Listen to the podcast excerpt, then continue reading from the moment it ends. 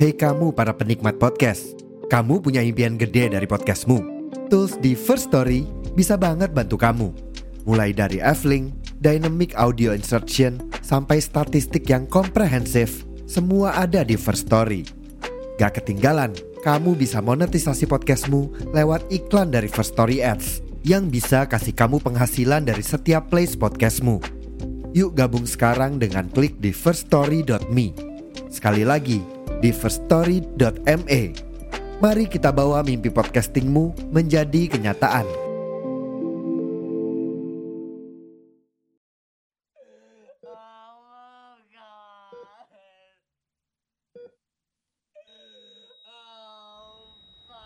Hai guys, balik lagi sama gue Andri. Selamat datang di Lowbat Podcast. Seperti biasa, gimana hari ini? Capek ya? Sini, duduk dulu. Ambil posisi ternyaman kalian. Yang rokok, dinyalain rokoknya. Yang ngopi, dinikmati kopinya. By the way, tau gak sih guys, kalau selama ini gue tuh produksi Lobet Podcast pakai Anchor.fm. Karena asli, menurut gue gampang banget bikin atau rekaman podcast pakai Anchor.fm ini. Udah gratis, lengkap lagi. Mulai dari record, editing, sampai tahap distribusi ke Spotify dan beberapa platform lainnya, semua bisa dilakukan hanya dengan satu aplikasi. Buruan deh, download Anchor.fm di Play Store atau App Store dan mulai podcast kalian sendiri. Sebelum episode ini dimulai, jangan lupa untuk follow, nyalain lonceng notifikasi, dan bantu kasih bintang ya.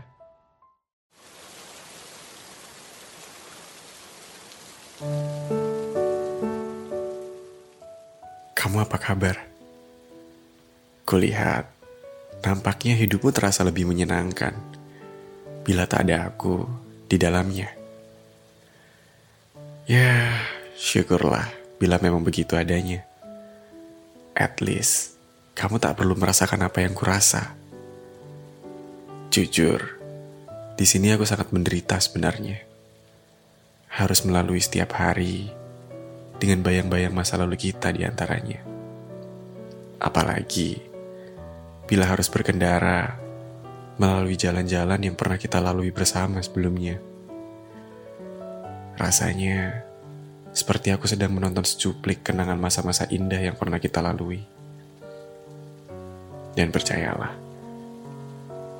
pada detik yang sama saat hal itu terjadi, kata balikan selalu menghantui isi kepalaku.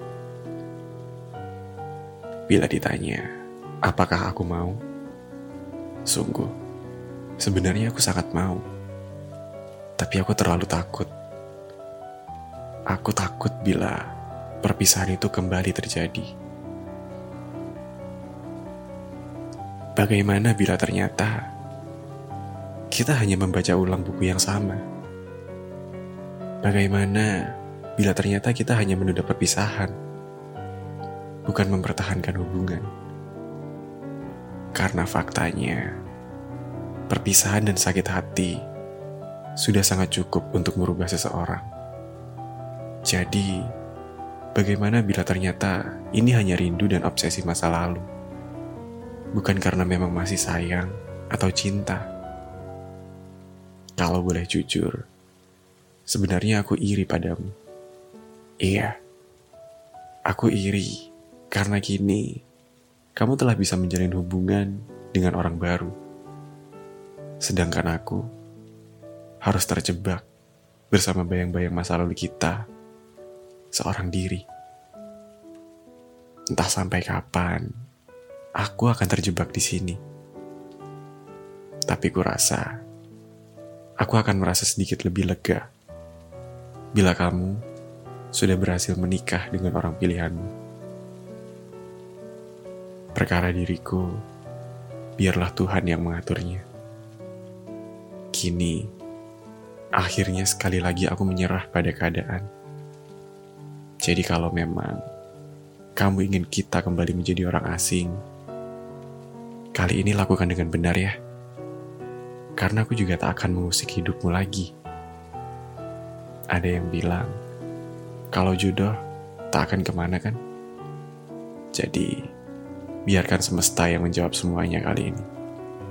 Oh iya, agar hancurku tak sia-sia, tolong berjanjilah padaku bahwa kini kamu akan jauh lebih bahagia saat kita telah berhasil kembali menjadi orang asing. Sekarang, aku pamit ya.